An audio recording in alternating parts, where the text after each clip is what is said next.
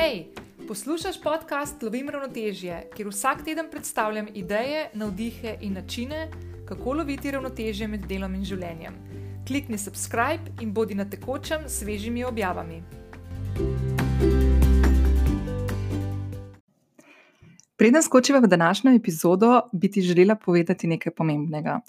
Rada bi se ti zahvalila, zato ker si s svojim poslušanjem, s prijavo na podcast Lovim ravnotežje, z dano oceno podcasta, z napisanim mnenjem, deljenjem na tvojih družabnih omrežjih in s tem, ko si morda povedala kakšni od svojih prijateljic, da se v podcast okolju v Sloveniji pojavlja nov podcast, namenjen nam, ženskam, poskrbela za to, da je od samega začetka, torej od prejšnjega petka, podcast Lovim ravnotežje. Na prvem mestu v Sloveniji, med vsemi podcasti, se pravi, med vsemi podcasti, ki jih Slovenci in Slovenke poslušamo z celega sveta. Um, jaz si nisem predstavljala, da se bo to zgodilo, niti v najbolj norih, divjih sanjah, ampak sem blazno hvaležna in um, iskreno, iskreno mi v teh dneh. Uh, ta informacija, vsakič znova, ko jo vidim, uh, ko pogledam lestvico, uh, boža moje, moje razbolelo grlo, ki je zaradi kašljanja v zadnjih dneh uh, ostalo med drugim tudi brez glasu. Uh, Uh, in sem blazno, blazno ponosna in vesela, da se tudi na tej platformi uh, združujemo podobno misleči ljudje, pozitivno razmišljajoči ljudje in takšni, ki nam um, takšen medij predstavlja en tak dober um, kako bi rekla temu, enega dobrega sopotnika na poti v službo ali službe, ali medtem, ko pospravljamo, ali medtem, ko gremo na sprehod, ali pa kar tako, da namesto, namesto da gledamo televizijo, da si mogoče v času, ko kuhamo večerjo ali pa kosilo, uh, prižgemo v zakulisju naš tale podcast, lovimo ravnotežje. Uh, še eno stvar bi ti želela povedati, če slučajno nisi opazila, in sicer, da uh, prejšnji petek je uh, tudi Kozmo podcast uh, uh, izdal novo epizodo, v kateri gostim jaz. In ti moram povedati, da če še nisi poslušala te epizode, skoči še tja, ker sva z Ana Marijo, ki je prišla k meni uh, na Mačo, klepetali in uh, veliko, veliko lušnega povedali. Tako da, če še nisi slučajno um, poslušala tega podcasta, te vabim, da skočiš tudi na Kozmo podcast. Danes bomo govorili o letu 2019. Govorili bomo o tem, kako pametno se je včasih obrniti nazaj, narediti inventuro, zabeležiti dobre, tudi slabe trenutke, jim nazdraviti in na to skočiti v novo leto. In ker smo ravno pred novim letom, pred novim desetletjem, bomo danes naredili tudi to. Jaz se bom sprehodila čez nekaj mojih najtrenutkov v letošnjem letu, Te pa vabim, da medtem ko jaz razmišljam o svojih najtrenutkih v letu 2019, podobno narediš tudi ti pri sebi. Uh, kadarkoli mi lahko svoje ugotovitve ali pa trenutke podeliš, lahko mi pošlješ zasebno sporočilo uh, na Instagramu, pod Nina Gaspari me najdeš. Uh, lahko objaviš kakšno, um, kakšno ob, ob, objavo na svojem Instagramu ali Facebooku in me označiš, tako da bom videla, Ampak, v glavnem, zelo se mi zdi pomembno, da se ustavimo za trenutek, pogledamo za nazaj, nazdravimo in gremo korak naprej. Si za, da skočiva v današnji podcast? Ok, danes bomo govorili o naj, naj trenutkih v letu 2019. Še enkrat, jaz bom govorila o svojih, tebi pa priporočam, da vmes, ko me poslušaš, mogoče si napišeš kakšnega svojega, ali pa vsaj razmišljaš o tistih, ki so, jih, ki so pa tvoji na tvoji listi, ki si jih ti doživela in ki so takšni, da si zaslužijo mesto med nepozabnimi trenutki v tvojem življenju. Uh, jaz se bom danes prehodila čez mojih osem. Lahko bi govorila, verjetno, kar nekaj dni o najlepših trenutkih v letošnjem letu, zato ker letošnje leto je bilo za moje razmere in pojmovanje eno od najlepših let v mojem življenju pa bom malo tudi povedala, zakaj. Ampak, če se začneva in začneva na prvi točki, ena od najbolj pomembnih stvari, ki sem jo v letošnjem letu naredila uh, in s katero sem zaprla eno veliko poglavje v mojem življenju, za katerega nisem niti mislila, da je še vedno tako zelo boleče odprto in ne. In ne um, Ne samo, da je odprto, ampak uh, neko poglavje, s katerim se še nisem uh, spoprijateljila, je bila moja vrnitev v London. O tem sem že govorila uh, v eni od prejšnjih epizod, ko sem govorila o tem, kako sem se sredi gospodarske in finančne krize leta 2008 preselila v angliško prestolnico. Jaz sem se iz Londona vrnila marca 2009 in celih deset let in pol se nisem vrnila nazaj v mesto. Razlog je enostaven. Meni se je London, takrat, ko sem ga zapustila, enostavno zameril. Zameril se mi je zaradi številnih stvari, ki sem jih tam doživela v času, ko sem živela v tej prestolnici, in enostavno se nisem predstavljala, da bi še kdaj želela ga obiskati. In zadnjih nekaj mesecev, preden, preden sem se septembra letos um, odločila in skočila v, v London, sem veliko razmišljala o tem, da bi ponovno ga obiskala. In ključni razlog, zakaj je do tega prišlo, je bila moja Ana, moja prijateljica Ana, ki živi v Londonu zdaj že tri leta. Uh, in me je vabila in vabila in vabila. In sredi poletja sem dejansko ugotovila, da mogoče bi bilo pa dobro, da grem, uh, da obiščem Ano, da vidim, kje dela. Uh, mimo grede, lahko skočiš na enega od mojih IGTV-jev na Instagramu in si ogledaš, kako Ana v Londonu dela šminke ki so samo zate narejene. Ne bom povedala več kot to, lahko skočiš tja in pogledaš cel video. Um, pot v London in moj petdnevni obisk Londona je bil za mene blazno pomemben, zato ker uh, sem s tem zaprla eno poglavje, ki me je blazno, blazno morilo. In en, enega od mojih osebnih porazov, moram biti iskrena, enega od mojih osebnih porazov, ki sem jih do letošnjega leta še vedno nosila kot, pora, kot poraz, na, poraz na svojih ramah. Uh, to, da sem jaz bila samo pol leta v Londonu, uh, sem dolgo, dolgo jemala kot neko osebno. Um, kot nek osebni poraz. Uh, mislila sem, da sem prehitro obupala, dolg čas, tudi to sem dobivala iz moje bližnje okolice, da mogoče bi bilo fino, če bi se mečkan potrudila in ostala še, kakšno, še kakšen mesec dlje. Uh, ampak enostavno takrat ni šlo, in jaz sem to imela kot enega od svojih večjih osebnih porazov v življenju na svojih ramah do letošnjega leta. In edino stvar, ko sem se letos vrnila v London, ki sem jo imela na listi, da jo moram absolutno narediti, je bila tista najbolj boleča. Uh, in to je, bilo, um, to je bila tista, tisti trenutek, ko sem se odločila, da se bom sprehodila do ulice, v kateri sem živela in tudi delala kot natakarica takrat.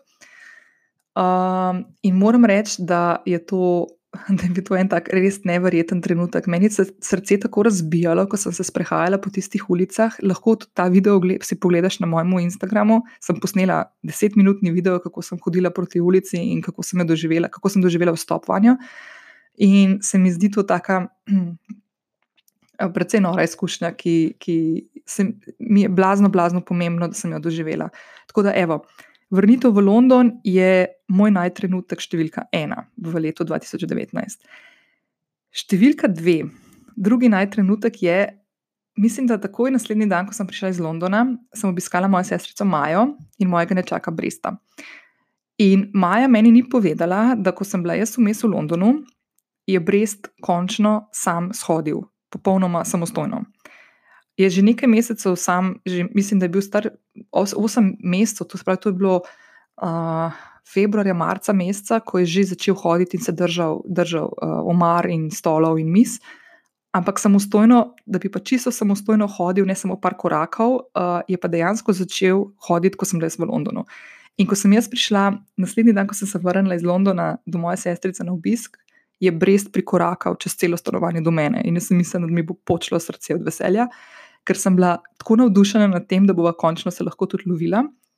Tako da to je gotovo eden od najlepših trenutkov v letošnjem letu, da je začel brest hoditi in da mi danes lahko uide, ko, ga, ko si vzameva tistih nekaj minut, vsakeč, ko se vidiva, zato da se je fajn prežgačkava in zdaj mi lahko uide, ker prej mi ni mogel in je bilo to tako. tako da to je številka dve. Številka tri. O tem sem tudi že nekaj govorila v prejšnji epizodi, ko sem govorila o tem, kako sem, katera jogijska spoznanja sem prenesla v, na, na svojo podjetniško pot. Uh, in to je yoga v Parku Tivoli v poletju 2019. Jaz ne morem opisati trenutkov, ko sem opazovala na prvi večer, mislim, da je bil torek.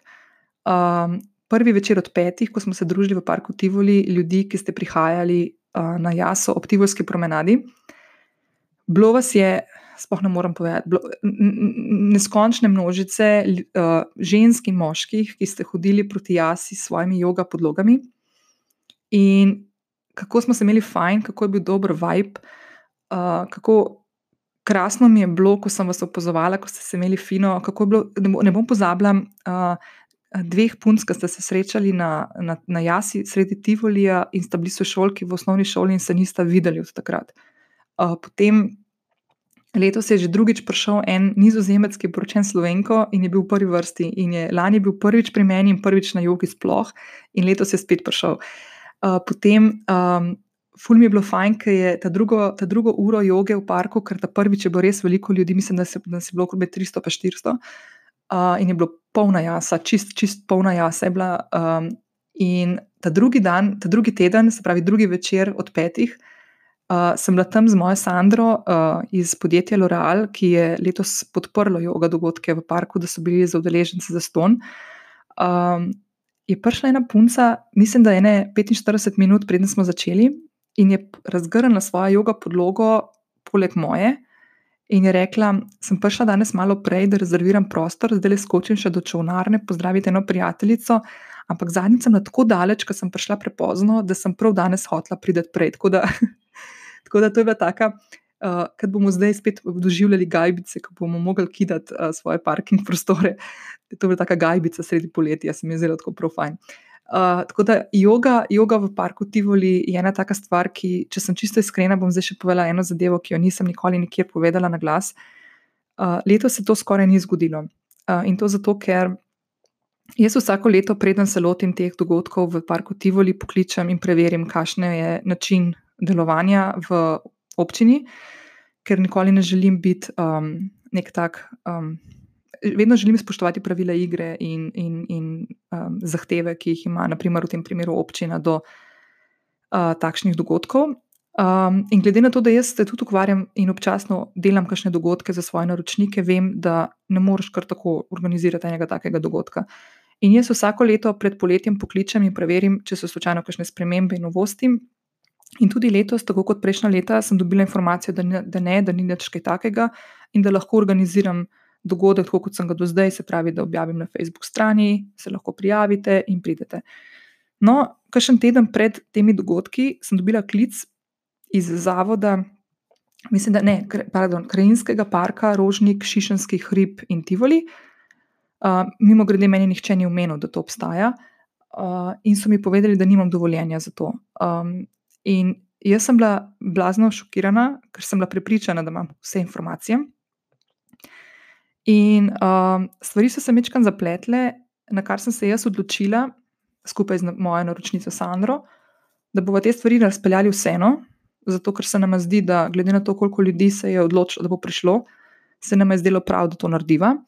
Uh, absolutno je pa to ena od stvari, ki jo želim v naslednjem letu pre, prej preverjati in bolj konkretno preverjati uh, na strani občine, ker res ne bi rada, da kdaj zaradi kakšnih stvari ostanemo brez dogodka. Tako da, ja, Yoga v parku Tivoli je moj najtrenutek številka tri. Na četrto mesto sem napisala skok na mljet. Uh, jaz sem se za prvomajske praznike z mojo prijateljico Grušo odpeljala do Mleta, enega od najjužnejših otokov v Dalmaciji in enega od najbolj zelenih. Uh, mene je blazno presenetil uh, otok, kako je drugačen od vseh ostalih. To je edini otok na Hrvaškem, ki ni bil nikoli um, žrtev požara. In s požarno varnost jemljajo zelo, zelo resno. Imajo tudi postavljene po celem otoku opazovalnice, kjer so nenehno prisotni ljudje, ki spremljajo dogajanje. Um, Gruša je oseba, ki na let hodi že prek 20 let in ga pozna vsako skalo. In je bilo res fino, kako mi je predstavljala ta otok, je, v katerega se je ona zaljubila v svojih zgodnjih 20 letih in ki ga ima rada še danes. In, in sem blazno vesela, da smo to naredili. Če skočiš na mojo spletno stran, lahko uh, najdeš tudi vodič po mletu, ki sem ga spisala, ko sem se vrnila nazaj. Se bom pa spomnila um, leta še po nečem. Uh, spomnila se ga bom po. Um, zelo, zelo, zelo mrzlih dneh. Čeprav, bila, uh, čeprav smo bili že meseca maja, nas je tako zeblo, da sem bila oblečena, verjetno čisto vse stvari, ki sem jih imela s sabo.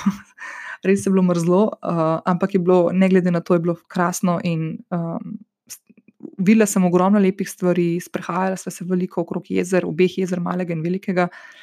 Uh, šli smo na, um, šli smo z ladjico do, tiste, uh, do tistega samostana, sredi otoč, na otočku, sredi jez, enega od jezer. Um, no, noro lepo morje je, noro lepa narava. Tako da, če, če imaš daj priložnost skočiti do mleta, ti ga ful priporočam. Zdaj si bomo pa vzeli eno kratko pauzico in bomo nadaljevali čez nekaj trenutkov. Današnjo epizodo podcasta Lovim ravnotežje podpira muškatna penina iz vinske kleti Puklavec Family Wines. Muškatna penina je tista penina, s katero nazdravljam vsem svojim zmagam, krasnim trenutkom, kot so ti, skozi katere se danes prehajava v tej epizodi, in praznovanjem, tistim malo večjim, kot so božično-novoletni prazniki ali pa rojstni dnevi, včasih pa le kot uh, dodatna popestritev obiska mojih prijateljic, ko jim postrežem muškatno penino kot aperitiv.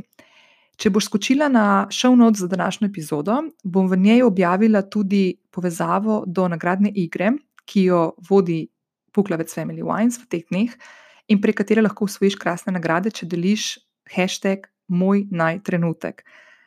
Tako kot jaz danes v tej epizodi.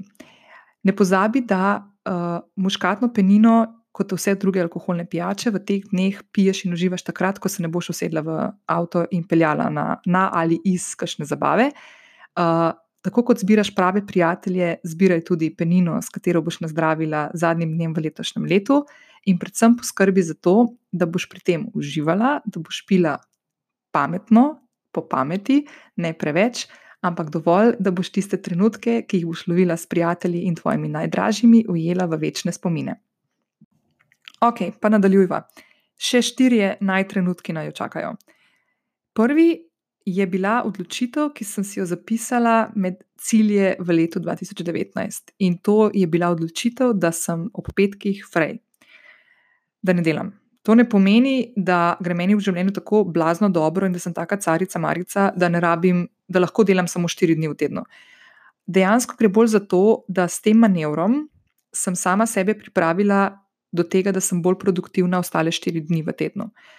In petke jemljem kot en tak, eno tako podaljšano roko med četrtkom oziroma med delovnim tednom in vikendom, ko si pustim prostor za tiste stvari, ki jih delam za dušo, ali pa za res tiste stvari, za katere mi mogoče pri ostalih štirih dneh zmanjka časa. Ob petkih ne pomeni, da jaz ne dvignem telefona, če me kdo kliče, to ne pomeni, da ne odprem e-maila in ne odgovorim na, na, na sporočila, ki jih dobim od svojih naročnikov ali od novinarjev in tako naprej. Gre bolj za to, da se poskušam mentalno pripraviti na to, da sem v svojem življenju veliko bolj produktivna pri delu, ki ga upravljam in načinu dela, ki ga upravljam, ki je večinoma od doma. Ko sem se postavila v vlogo samostojne podjetnice in začela delati iz svojega doma, je to v meni sprožilo en kup enih stvari, s katerimi sem se mogla soočati. Jaz po naravi znam biti blazno len človek. In našla, naj, najdla sem način, uh, kako lahko upravljam svojo produktivnostjo in motivacijo na čim bolj optimalen način. In frej petki so eden od teh načinov. Tako da Moji frej petki so se začeli z letošnjim letom in 1. v januarju sem preživela v Benetkah s Tjašo in Mašo, mojima prijateljicama. Če skočiš na mojo spletno stran, te na njej čaka vodič, kako za en dan skočiti v Benetke uh, in kaj si je fino tam ogledati. Ampak Benetke so ene od takih um, balzam stvari v mojem življenju. Jaz mislim, da ni minilo leto v zadnjih desetih letih, ko ne bi vsaj enkrat v letu skočila v to krasno italijansko mesto. Leto sem tam, se pravi, januarja in potem še septembra, ko sem šla na Bienale. Uh, če še nikoli nisi bila na Bienalu, je to tudi, to tudi ena od stvari, ki ti jo absolutno priporočam, da jo enkrat obiščeš. Uh, to je umetniški, bom rekla, temu dogodek številka ena v Italiji, po mojem mnenju, um, ki se zgodi vsake dve leti. Letos se je končal pred uh, dobrima dvema tednoma, uh, naslednji bo leta 2021. In eden od, eden od vrhuncev Bienala je tudi vsakoletni filmski festival v Benetkah Mostra.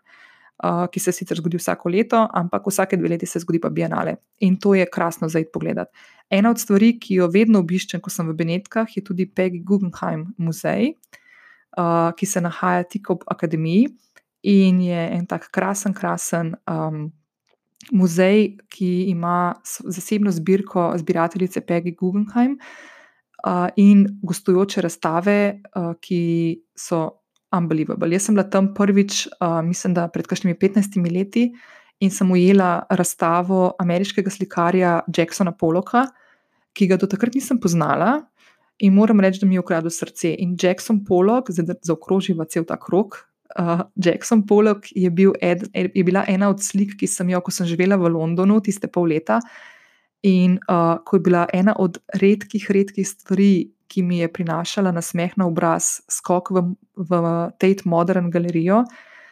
Ena od stvari, ki sem šla vedno gledati, je bil Jackson Pollock, in ta druga slika, ki je bila, je, je bila slika od Luča Fontane, to je argentinski slikar.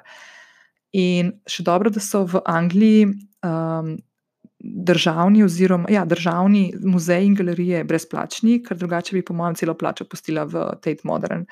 Uh, tako da, ja. uh, še enkrat ti povem, da tudi na moji spletni strani najdeš vodič po Londonu, ki sem ga letos napisala, in vodič po Borough Marketu. To je najstarejša tržnica v Londonu, zraven katere sem jaz živela pol leta in je ena od najlepših stvari, ki jih lahko v Londonu obiščeš. Tako da ne pozabi, da skočiš lahko po vodič po Mletu, ki sem ga preomenila, vodič po Benetkah, če bo šla za en dan v Benetke, pa vodič po Londonu in Borough Marketu. Tako da, evo, to imamo vse zdaj porihtano. Naslednja stvar moja jutra. Jaz se že kakšne zadnje dve leti ukvarjam z oblikovanjem rutine, jutranje rutine, s katero vstopim vsak dan v nov dan na pravi strani postelja, s pravo nogo. In moja rutina jutranja, takrat, ko jo naredim celo, pomeni to, da traja nekje, bom rekla, med uro in pol do dve uri. In zdaj, ja, vem, jaz imam, jaz imam blazno srečo, da, da sem sama, da si to lahko privoščim, to je luksus in jaz to vem, da je luksus. Jaz vem, da večina, večina punc od vas ima, ima zaposlitev ali imate tudi otroke, imate družino in tako naprej. Tako da jaz vem, da dve uri si zelo malo ljudi lahko vzame in tudi jaz, iskreno, si to vzamem zelo poredko. Uh, zelo sem vesela, če obkljukam dve stvari od desetih. Uh, Uh, in čas, ki ga namenim mojim jutranjim rutinam, ni, ni toliko pomembno, kako dolg je, kot toliko, da vsaj ena od stvari, ki jih rada počnem zjutraj, naredim vsako jutro. Pa je to lahko samo meditacija hitra, ali pa skok pod tuš, pa imam spodaj eukaliptus obešen, svež, ali pa je to pisanje dnevnika zjutraj, ali pa mogoče, da preberem stran knjige, ki jo berem v tistem obdobju. Uh, moja jutranja rutina je precej kompleksna in vem, da takrat, ko upravim rutino, vsaj nekje, rečemo, polovico stvari, ki, imam, ki jih imam zapisane, avtomatično vem, da bo tisti dan, v katerega vstopam, dober dan. Uh, ker, bo, ker bo dan, ki bo že v samem startu um, osredotočen na stvari, ki vem, da so meni pomembne. Um, meni se to blazno, zdi, zdi blazno pomembno, predvsem z vidika, da če, če delamo z ljudmi in če delamo v okolju, kjer je ogromno um, prilagajanj, kjer moramo naprimer, uh, zahteve drugih ali pa uh, izpolnjevati ali pa pričakovati, in tako naprej, je zelo pomembno, da tisti čas, ko ga imamo pod nadzorom svojim, z njim upravljamo na način, da bom rekla temu po domače, božamo svojo dušo in srce. Če te zanima moja rutina, kako izgleda, in če še nisi prijavljena na moje enovičke, lahko skočiš na ninagaspari.com/newsletter ali pa skočiš na samo na mojo spletno stran in v zgornji urodni vrstici klikneš na newsletter, se prijaviš in v tistem trenutku, ko boš, pod, uh, ko boš potrdila svojo prijavo, boš v svoj nabiralnik dobila moj e-mail, v katerem bo PDF vseh mojih jutranjih rutin. To je dve strani dolga rutina. V njej je tudi recept za krasen, krasen napitek, domač um, kurkuma, jutranji šot, ki je iz svežega ingverja in sveže kurkume, in je odličen za preganjanje virusov in bacilov. Uh, jaz ga zdaj zadnji dva tedna ne pijem, ker imam preveč boleče grlo in enostavno ne morem, ker je preveč močen, ampak ko me čakam, da ga spet stisnem in da si ga privoščim v naslednjih dneh, ko nas še čaka, verjetno tudi kaj snega. Ok, sedma, stran, sedma, sedma stvar. Hoja izven cone udobja. Uh, jaz mislim, da je to eden od lepših trenutkov v 2019. Um, je bil tisti trenutek, ko sem se zavedala, da sem začela ponovno uživati v hoji izven cone obdobja. Uh, jaz v preteklosti sem bila, kot sem že omenila, izredno bojezljiv človek in meni sem, samo da sem pomislila na to, da bi delala nečes, neke stvari, ki so mi um, predstavljale uh, hojo izven nekih um, nadzorovanih okolij, stvari, ki jih ne poznam, uh, so se mi zdele blazno nemogoče. In ne, ni na ključe, da obstaja citat, ki pravi, da se življenje začne, ko stopiš izven cone obdobja. Ko se to sliši klišejsko, je to dejansko res. In v letošnjem letu sem jaz preskočila številne, naprimer, strahove, ne, ki, so me, ki so me pripričevali, da bi, da bi hodila po hoji, da bi hodila izven cone obdobja. Ena od stvari je strah pred neuspehom, pred porazom, pred zavrnitvami. Uh, Potem eh, ena od stvari je, težko, težko sem se naučila reči ne, takrat, ko sem hotela reči ne, ker sem se vedno bala, da bom, da bom s tem uh, užalila koga. Uh, in tako naprej. In zdaj, če povzamem, če naredim en tak recap stvari, ki sem jih danes že povedala v tej epizodi. Uh, eden, ena od stvari, s katero sem hodila izven svoje cone obdobja, je bila vrnitev v London. Potem ta zadnja stvar je podcast, Uh, potem verjetno tudi ne bi šla na uh, Tivoli na jogo, ko sem videla, koliko ljudi se je prijavilo in pričakovala na stotine ljudi. Uh, tako da mislim, da je hoja izven cone obdobja ena od tistih najlepših stvari, ki jih lahko narediš. In jaz iskreno sem začela uživati v hoji izven cone obdobja pred točno dvema letoma, ko sem bila na Balju in sem šla na Gugalnico, ki je me, ki me je zaguncala, mislim, da 115 metrov nad Balijsko džunglo. In zdaj, jaz sem človek, naprimer, ki ga je bilo vedno strah, ne višine, ampak premikanja na višini. Se pravi, razni vlakci v Gardalandu in podobne stvari, mene niso videli več kot enkrat.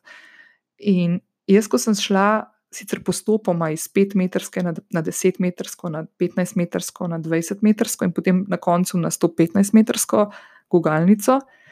Um, Jaz sem takrat tako uživala v tem, sicer me je bilo strah za umret, ampak jaz sem tako uživala, da sem šla potem dvakrat. In jaz mislim, da je takrat pri meni naredilo en klik, ne? da dejansko je hoja izven tistega varovanega območja in iz tiste vatke, ven, ki sem si jo celo življenje postavljala in v katero sem se zavijala, uh, je ena od najlepših stvari, ki, ki sem jih lahko naredila. In v letošnjem letu je to dejansko prišlo še toliko bolj do izraza.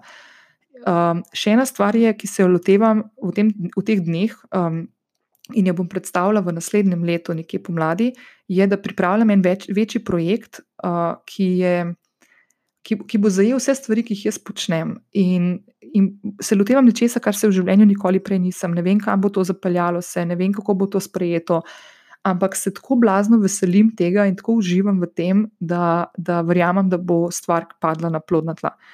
Uh, in spet, to je vsakodnevna hoja po žrjavici in vsakodnevna hoja po vrvi nad 100 tisočimi metri. In vsakodnevna hoja izven cone obdobja, ampak je fina in je krasna, zato ker v sebi verjamem, da je to moja pot. Tako da to. In ta zadnja stvar, ne morem, ne morem, da ne bi povedala še enkrat, je ta podcast. Um, prejšnji petek in vsi dnevi po petku do danes, uh, se pravi, točno že en teden, so eni od najlepših dni v zadnjem lepu, letu in v mojem življenju konkretno. Takšni lepi odzivi, kot ste mi jih dali na prve epizode podcasta, so, so, jih nisem pričakovala, iskreno jih nisem pričakovala in sem se blazno, blazno razveselila vsake, vsake od vas. Um, če povzamem, je, mislim, da sem dobila v, med svoje zasebna sporočila prek 100 čestitk, prek 100 sporočil. Uh, vse tiste storije, ki ste jih delili na svojih omrežjih na Instagramu, ki ste me omenili, da jih poslušate, sem delila tudi naprej. In um, vesela sem, ko prebiram te stvari in ko vidim, koliko blazno, blazno smo si podobne in ne toliko zelo različne. In meni je to ena od najlepših stvari, ki jih vedno znova opažam pri, um, pri tem, ko naprimer kakšno stvar povem na glas, koliko ljudi se javi nazaj s podobnimi izkušnjami. Tako da hvala, hvala še enkrat. Uh, da ne bom pozabila, preden zaključiva in se posloviva, skoči na spletno stran, spodaj tukaj v, v, v descriptionu oziroma v opisu te epizode boš imela link do mojega spletnega mesta, kjer bo uh, kjer je objavljen show notes uh, oziroma povzetek te epizode. V njem je tudi link do nagradne igre, ki organizira Puklavec Family Wines uh, v sklopu Muškatne penine. In še ene nove penine na trgu, ki so jo letos izdali v krasni preobleki, bleščeči, to je Ice Edition. Skoči tja, poglej, kaj moraš narediti, da boš uh, tudi ti lahko sodelovala v tej nagradni igri, ki ima krasne nagrade. In uh, ne pozabi na svoje najtrenutke. Uh, Eden od njih je lahko tudi uh, krasen, krasen, zdrav, krasen, krasen pozdrav uh, in trg kozarcev za najdaljšo noč v letu, ali pa, za, ali pa naprimer za jutrišnji sobotni večer. Uh, hvala še enkrat vsem, uh, hvala, ker delite ta podcast, hvala, ker ga poslušate, hvala, ker se prijavljate na njega in, um, in oddajate mnenja in ocene. Blazno veliko mi to pomeni. In preden zaključim, uh, ne pozabi skočiti na moj Instagram, v teh dneh bom nekajkrat objavila tudi možnost, da mi pošljete predloge tem, ki želite, da jih obdelam v tem podkastu. In objavila bom tudi nekajkrat možnost, da mi pošljete kakšno vprašanje, ker bi rada, da ta podcast je dvosmerni, da vam tudi na kakšno vprašanje lahko odgovorim in pomagam, mogoče s kakšno dilemo, ki jo imate, če bom le znala odgovoriti na, dno, na to.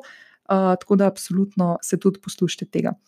Hvala še enkrat, želim ti en krasen, krasen petek, mogoče bo celo malo že zasnežen, vsekakor pa petek, ki je še 12 dni oddaljen od božičnih praznikov. Lepo bodi, se slišiva in hvala ti. Ups, še ena stvar, preden zaključiva. Hotla sem ti še povedati tole. Blazno, blazno se ti želim upravičiti, ker danes resnično ni še čisto moj optimalen dan. Uh, še vedno sem precej pod vplivom bolezni in razbolelega grla, in težko, težko govorim, tako da sem danes kar precej skakala in um, posnela ta podcast v različnih delih, uh, ker enostavno sem mogla vmes vzeti čas, da sem se fino izkašljala, da sem lahko nadaljevala. Tako da, oprosti, to je realnost, kruta realnost včasih. In še en upomnik, da moramo se včasih vzeti stvari nekoliko, nekoliko uh, enostavneje in um, si vzeti čas zase. Zdravje je na prvem mestu, mora biti na prvem mestu, tako da sem blazno vesela, da sem danes to epizodo spravila skupaj in hvala tebi, da si jo poslušala do konca. Hvala, čau!